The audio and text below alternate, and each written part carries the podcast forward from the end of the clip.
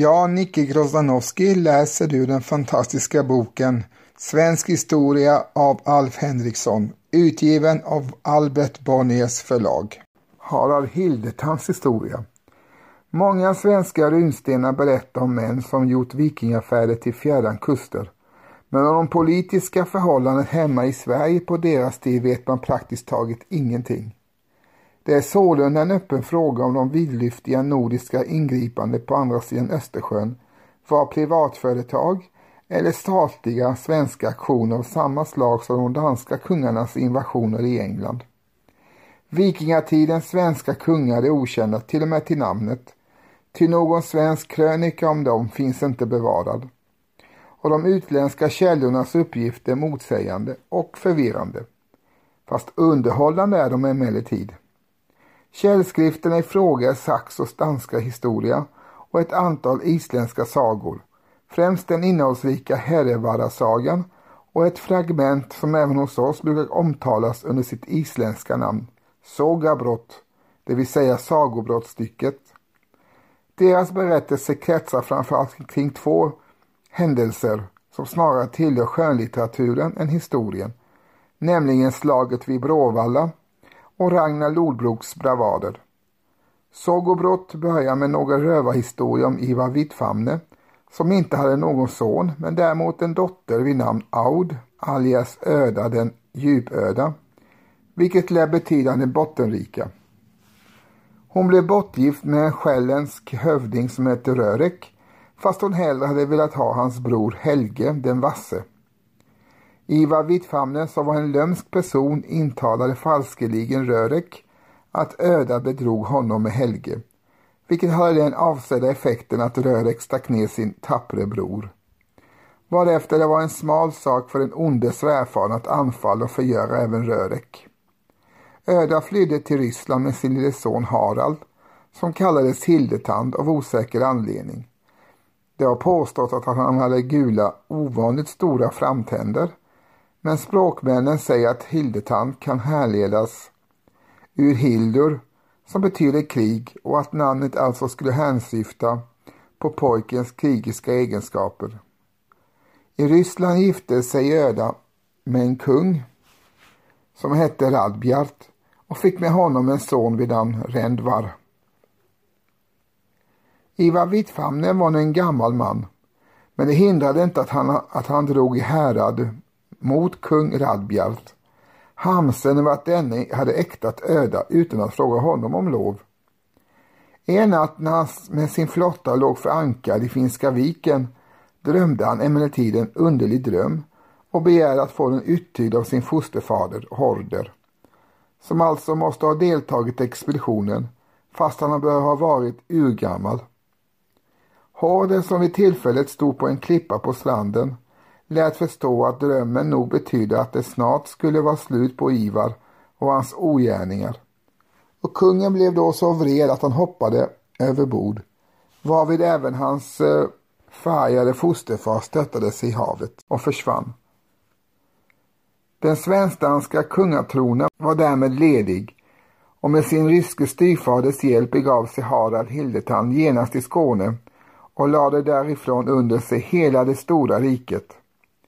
Sin halvbror Rendvar satte han till lydkonung över svearna i Uppsala och då denne i sinom tid omkom under ett härnadståg till England efterträddes han av sin son Sigvard Ring som således var brorson till Harald Hildetand.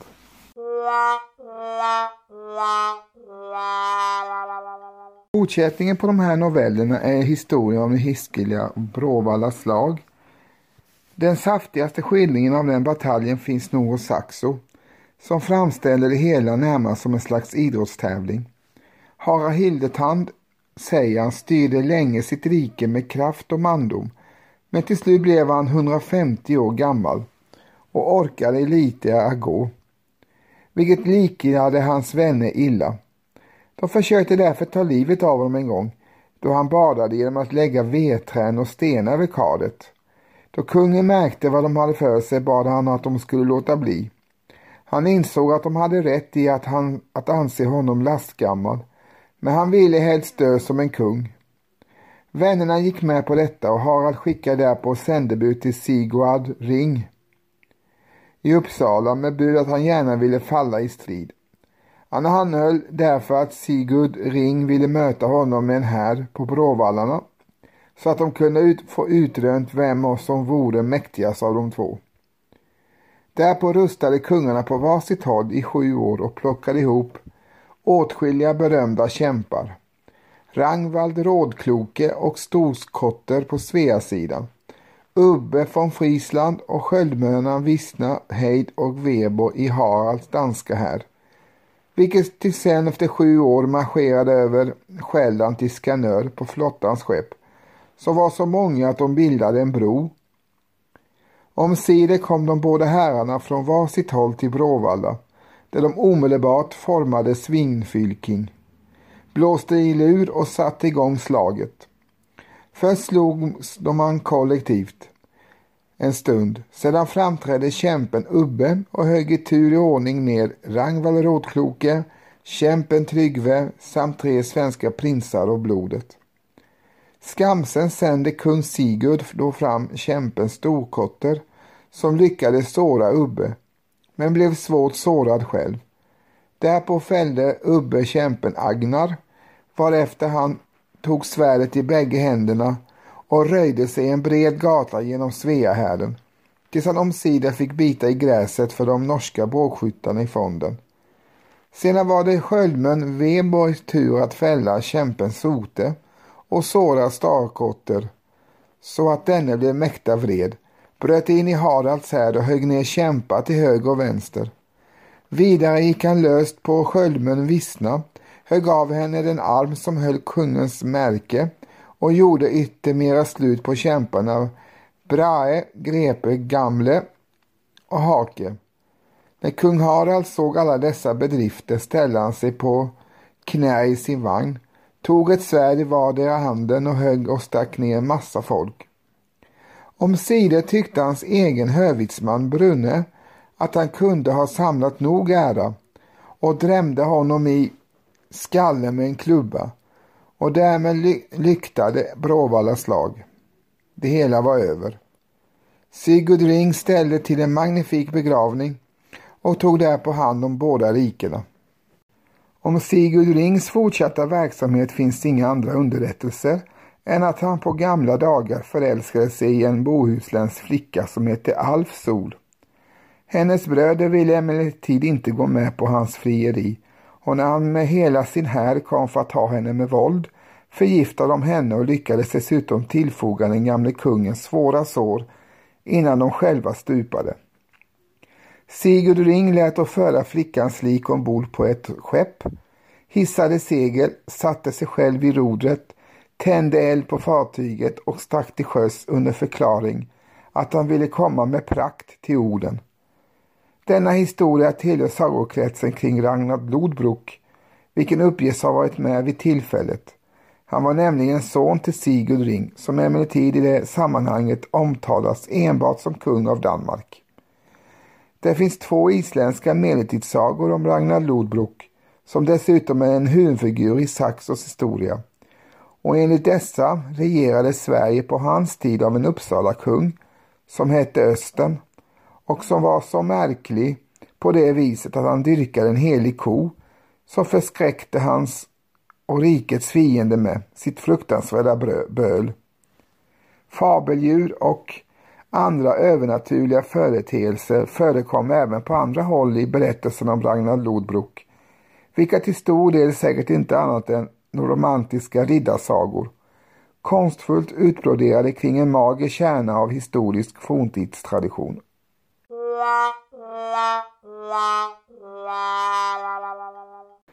Sådan av gammalt har det brukats refereras i svenska historieböcker är sagan om Ragnar Lodbrok en sammanställning av episoder från Sax och de isländska källorna. Den börjar som en ren folksaga med berättelsen om Tora Borgajot, dotter till en jarl i Östergötland och vacker som en dag. Hon hade av sin far fått en liten trevlig lindorm som låg hoprullad i en ask. Men snart började det växa så att den inte fick plats inomhus utan ringlade sig runt hela jungfruburen sprutande ätter och ätande oxar till den förfärande jarlens förtvivlan. Denne lät då meddela att den som kunde döda lindormen skulle få flickan och en stor hemgift. Och när Ragnar fick höra talas om detta gjorde han sig en underlig kostym av ludna skinn som doppades i smält bäck och därpå rullades i sand så att de blev hårda.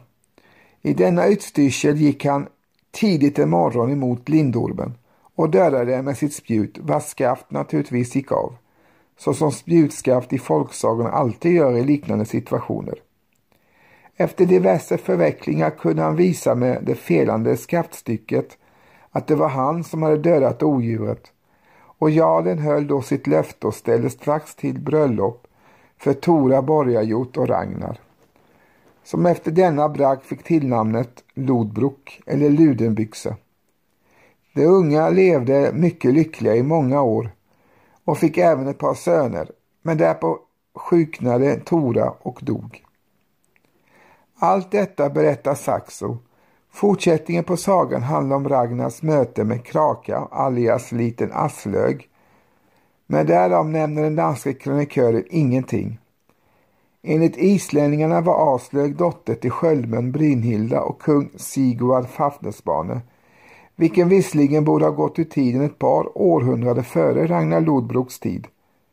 Och när hennes föräldrar miste livet nere i Tyskland räddades Aslög av sin fosterfader Heimer som stoppade in flickebarnet i en stor harpa och flydde till utlandet med henne. Efter långa vandringar kom han omsider till en norsk gård vid namn Sprangehed och fick nattkvarter hos ett äldre par som hette Åke och Grimma. Den sistnämnda lade märke till att guldstickat tyg stack fram ur harpan och övertalade då med något besvär sin man att mörda gästen i sömnen, vilket skedde. De öppnade där på harpan och hittade en mängd dyrgripar, men också flickebarnet, så de döpte till Kraka och hon växte sedan upp i hårt arbete och stor fattigdom på Spangerhed.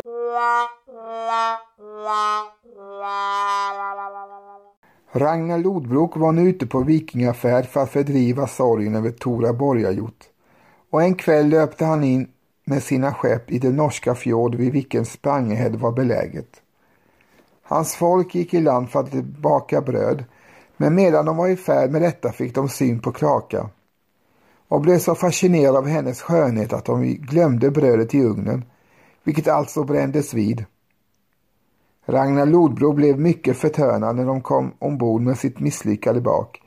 Men då de skyllde på den alltför vackra flickan blev han helt naturligt nyfiken och lät skicka efter Kraka samtidigt som han sökte pröva hennes förstånd genom att framställa några lindrigt sagt underliga önskemål. Hon borde komma varken klädd eller oklädd, varken mätt eller fastande, varken ensam eller i sällskap. Dagen därpå kom flickan och hade uppfyllt hans villkor. Hon var nämligen draperad i ett fiskenät. Hon hade ätit en vitlök och hon var åtföljd av sin hund. Så mycket skönhet och klokhet kunde Ragnar Lodbrok inte motstå utan tog ofördröjligen Kraka med sig hem till Danmark och firade bröllop med henne. De fick många barn och några av sönerna blev med åren mycket berömda. Den äldste hette Ivar Benlös ty han hade bara brosk istället för ben i kroppen. Han var emellertid mycket vis.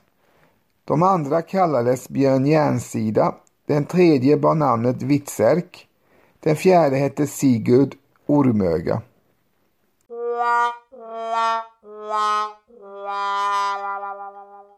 Sanningen om Krakas höga börd och rätta namn uppenbarades naturligtvis så småningom. Men fortsättningen av Ragnar Lodbroks saga handlar mest om hans söners bragder. De kämpade nämligen väldeliga både i Västeuropa och i Sverige, där Ivan Benlös slutligen lyckades döda både kung Östens arga ko och honom själv. Själv satt Ragnar med Aslög hemma i sitt rike, men då han en dag fick höra att ingen kunde jämföras med hans söner i mod och mandom beslöt han att visa världen att inte heller han gick av för hackor. Han gav sig därför iväg till England med bara två skepp, vilket han ansåg vara lagom för att på ärofyllaste sätt erövra detta land. Aslök försökte avstyra detta vågspel men då han inte ville lyssna på henne och hennes varningar gav hon honom en till avsked en underbar skjorta på vilket inget järn bet. Därpå seglade Ragnar till England och började härja och bränna.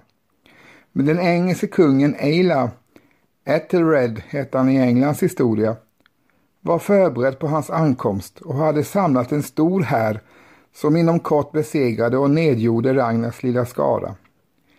Ragnar själv som tack vare Aslöks skjorta undgick alla sår blev slutligen levande tillfångatagen och förd till kung Eila som frågade efter hans namn men inte bevärdigades med något svar. Eila lät då kasta sig fånge i en ormgrop där denne yttrade de bevingade orden Grymta månde grisarna om de visste vad den gamle galten lider. Han uppstämde vidare, säger Saxon, sitt livs bedrift ett kväde och från isländskt håll upplyses att kvädet hette Kraukomal. Vi höggo med svärd, sport har jag städse, att nå nådernas lag vill lyda och av ödet ledas.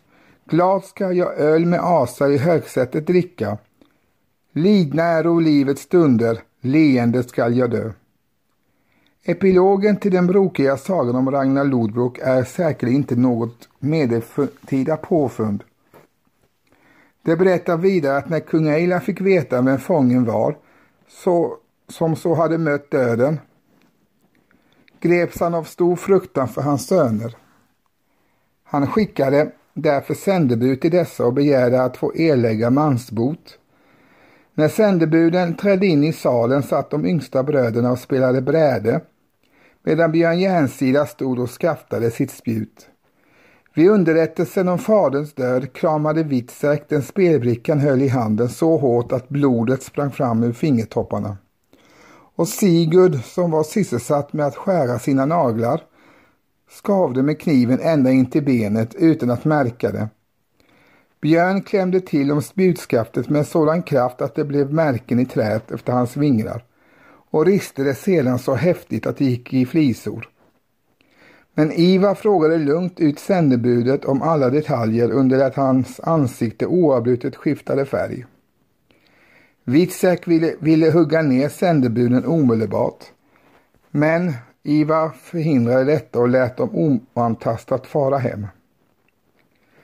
Bröderna rustade sig nu till ett hämndetåg, men Ivar vägrade vara med härom. Han följde dock sina bröder och deras här till England, där kung Eila emellertid väntade dem och låg i beredskap med allt sitt folk, så att de måste dra sig tillbaka till sina skepp igen. Ivar Benlös begav sig då över till kung Eila, meddelade att han vill, var villig att ta emot böter för sin faders död och begärde så mycket land som kunde täckas med en oxhud. Denna detalj är gammalt sagomotiv, känt redan i antiken, då det lokaliserades i drottning Didos grundläggning av Kartago. Eila gick förnöjd med på förslaget, varpå Ivar Naturligtvis skar oxhuden i mycket smala strimlor med vilket han hägnade in ett område som var mycket, mycket större än vad Eila hade tänkt sig. Där slog han sig nu ned och ägnade sig under något tid åt att undergräva Eilas ställning genom att med lämpliga metoder locka över hans vasaller på sin sida. Han skickade därefter bud på sina bröder och deras här och denna gång var Eila oförberedd och underlägsen och blev strax slagen och tillfångatagen. Lodbroks söner avrättade honom genom att rista blodön på honom, vilket innebär att de brände ut hans revben som vingar och drog ut hans lungor genom såret i hans rygg. Ni har precis hört mig, Nicke Grozanowski, läsa ett stycke ur den fantastiska boken Svensk historia som är skriven av Alf Henriksson och utgiven av Albert Bonniers förlag. Signaturmelodin ni hörde i början är ju den berömda Fjäril vingar syns på Haga, även känd som Fredmans sång nummer 64, som är gjord av Carl Michael Bellman. Och som avslutning får ni höra Par Deus med gruppen Gotthard.